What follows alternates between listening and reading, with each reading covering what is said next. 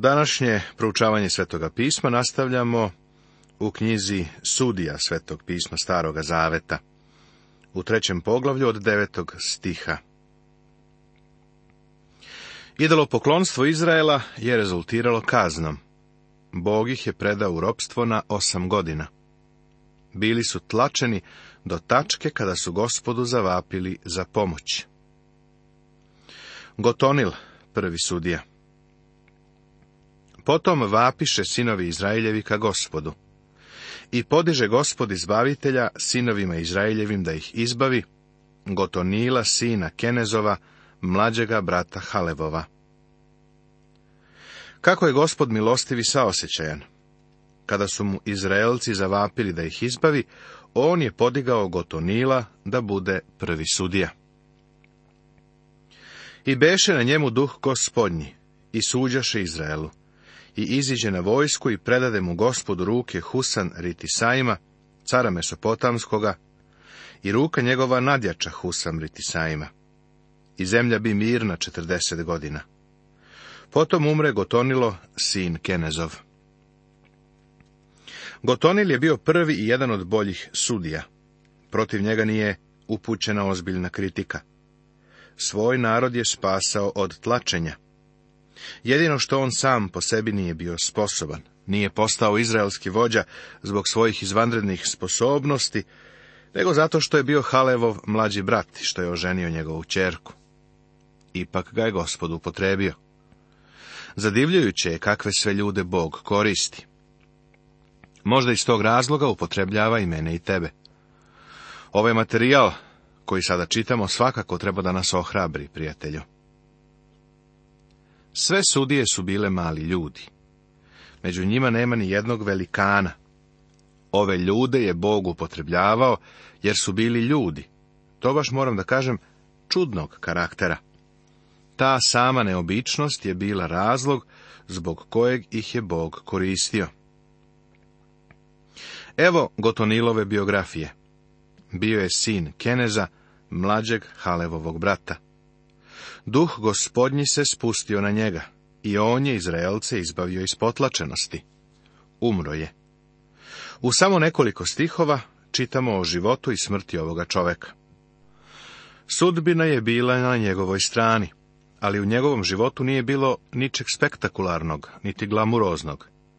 Većina biografija liči na njegov.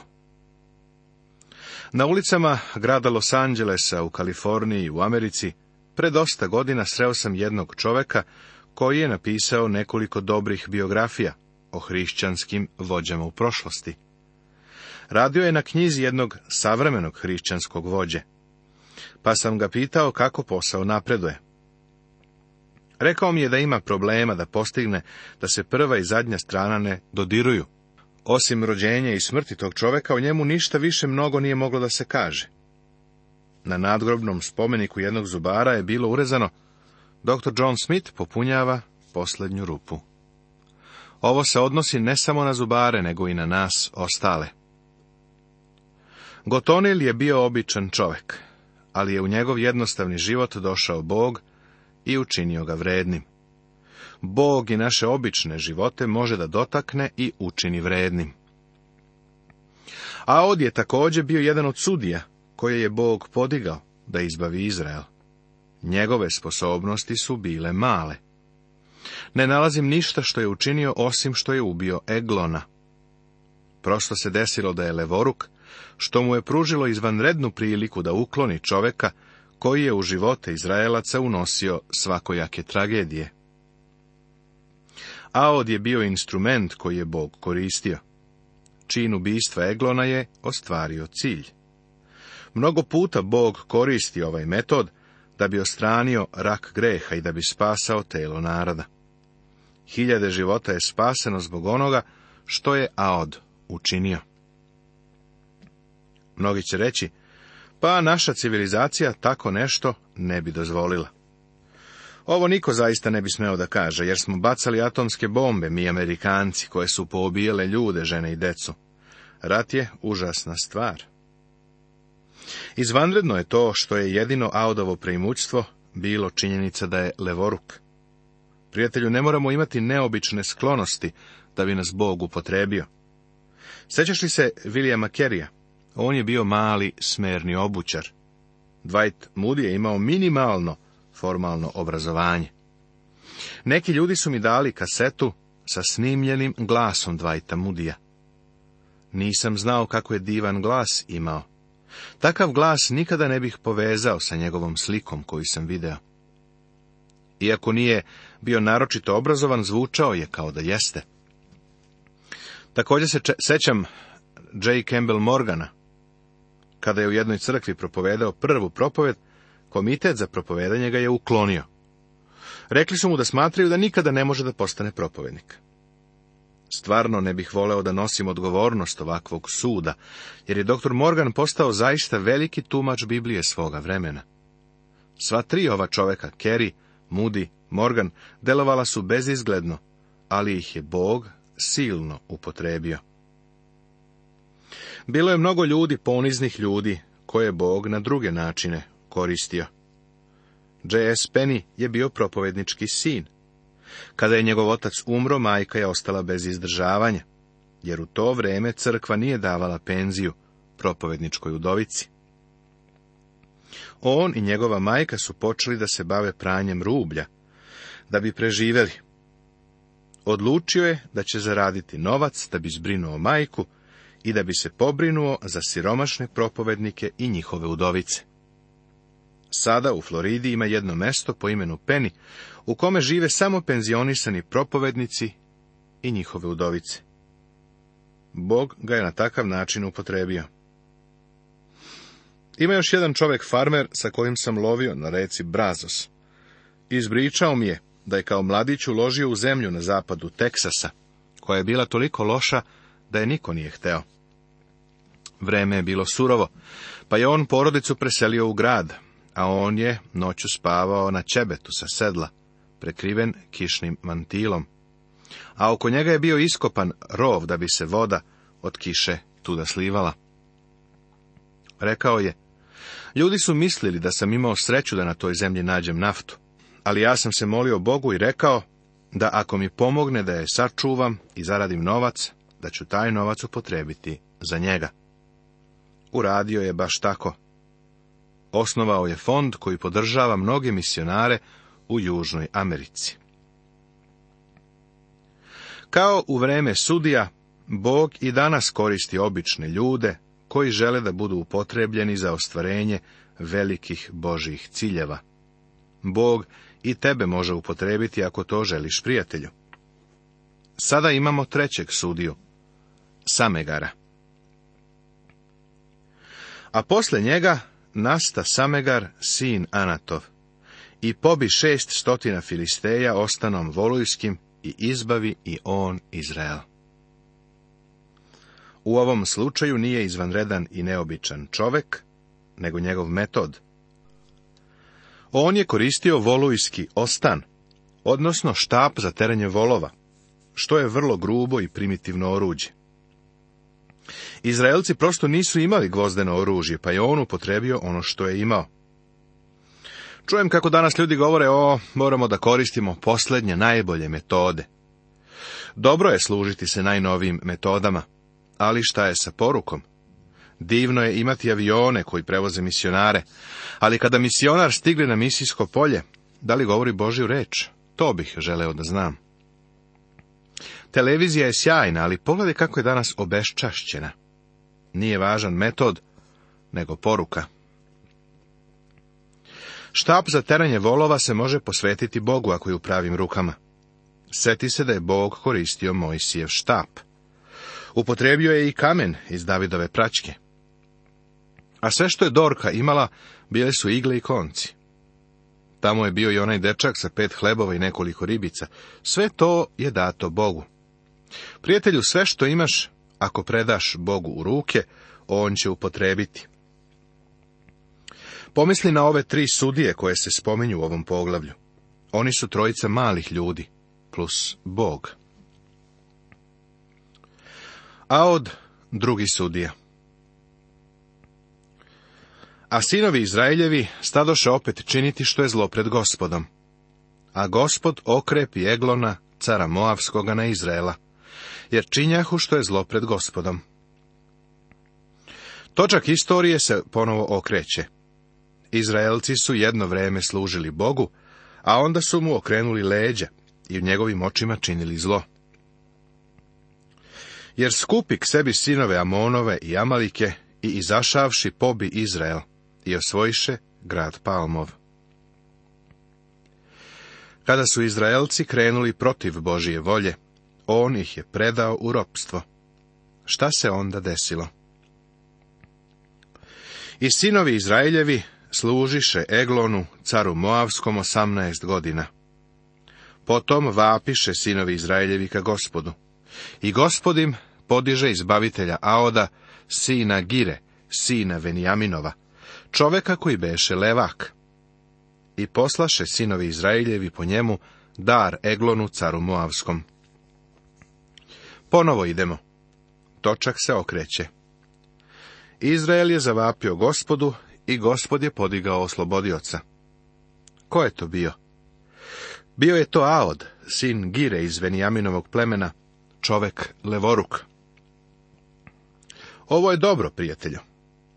Jedino što je išlo u prilog ovom čoveku bilo je to što je Levoruk. Levak. A Aod načini sebi mač sa obe strane oštar, od lakta u dužinu, i pripasa ga pod haljine svoje uz desnu bedricu i odnese dar Eglonu caru Moavskom. A Eglon beše čovek vrlo debeo. I kad predade dar, otpusti ljude koji su nosili dar. Pa sam vrativ se od likova kamenih, koji behu kod Galgala, reče, imam care neku tajnu da ti kažem. A on reče, muči. I otidoše od njega svi koji stajahu pred njim. A od pristupi k njemu, a on seđeše sam u letnjoj sobi pa reče Aod, reč Božju imam da ti kažem. Tada ovaj usta s prestola. A Aod poteže levom rukom svojom i uze mač od desne bedrice i satera mu ga u trbuh. I držak uđe za mačem i salo se sklopi za mačem, te ne može izvući mača iz trbuha i iziđe nečist. Potom iziđe Aod iz sobe i zatvori vrata za sobom i zaključa. Ovo što se desilo bilo je brutalno. Ne deluje ni herojski, ni romantično. Njegovo ime je značilo crvenokosi, a bio je još i levoruk. Napravio je dvosekli bodež, kamu. Kod nas u prevodu piše mač. I sakrio ga je ispod odeće sa desne strane. Neka ti ovo ne promakne. Bio je levoruk, pa je trebalo da posegne na desnu stranu, da izvuče ovaj bodež. U to vreme su skoro svi bili dešnjaci, pa su bili pregledani tako što se kontrolisala samo leva strana, da li tu ima nekog oružja. Careva tajna služba je pretresla Auda sa pogrešne strane. Ušao je kod cara noseći mu dar. To je verovatno bio danak. A Eglon je bio krupni debeli car. Kad mu je Aod dao poklon, Aod se pretvarao da ima da mu saopšti tajnu.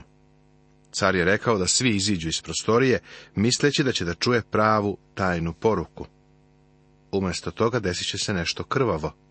U pogodnom trenutku Aod je izvadio bodež i zario ga u cara. Probao ga je kao svinju. Bodež je nestao u carevom salu. Aod je onda zaključao vrata i otišao. Aodov čin nije bio kukavički. Za ovo što je učinio bila je potrebna hrabrost. A kada on otide, dođoše sluge i pogledaše, a to vrata od sobe zaključana, pa rekoše, valja da ide napolje u kleti do letnje sobe.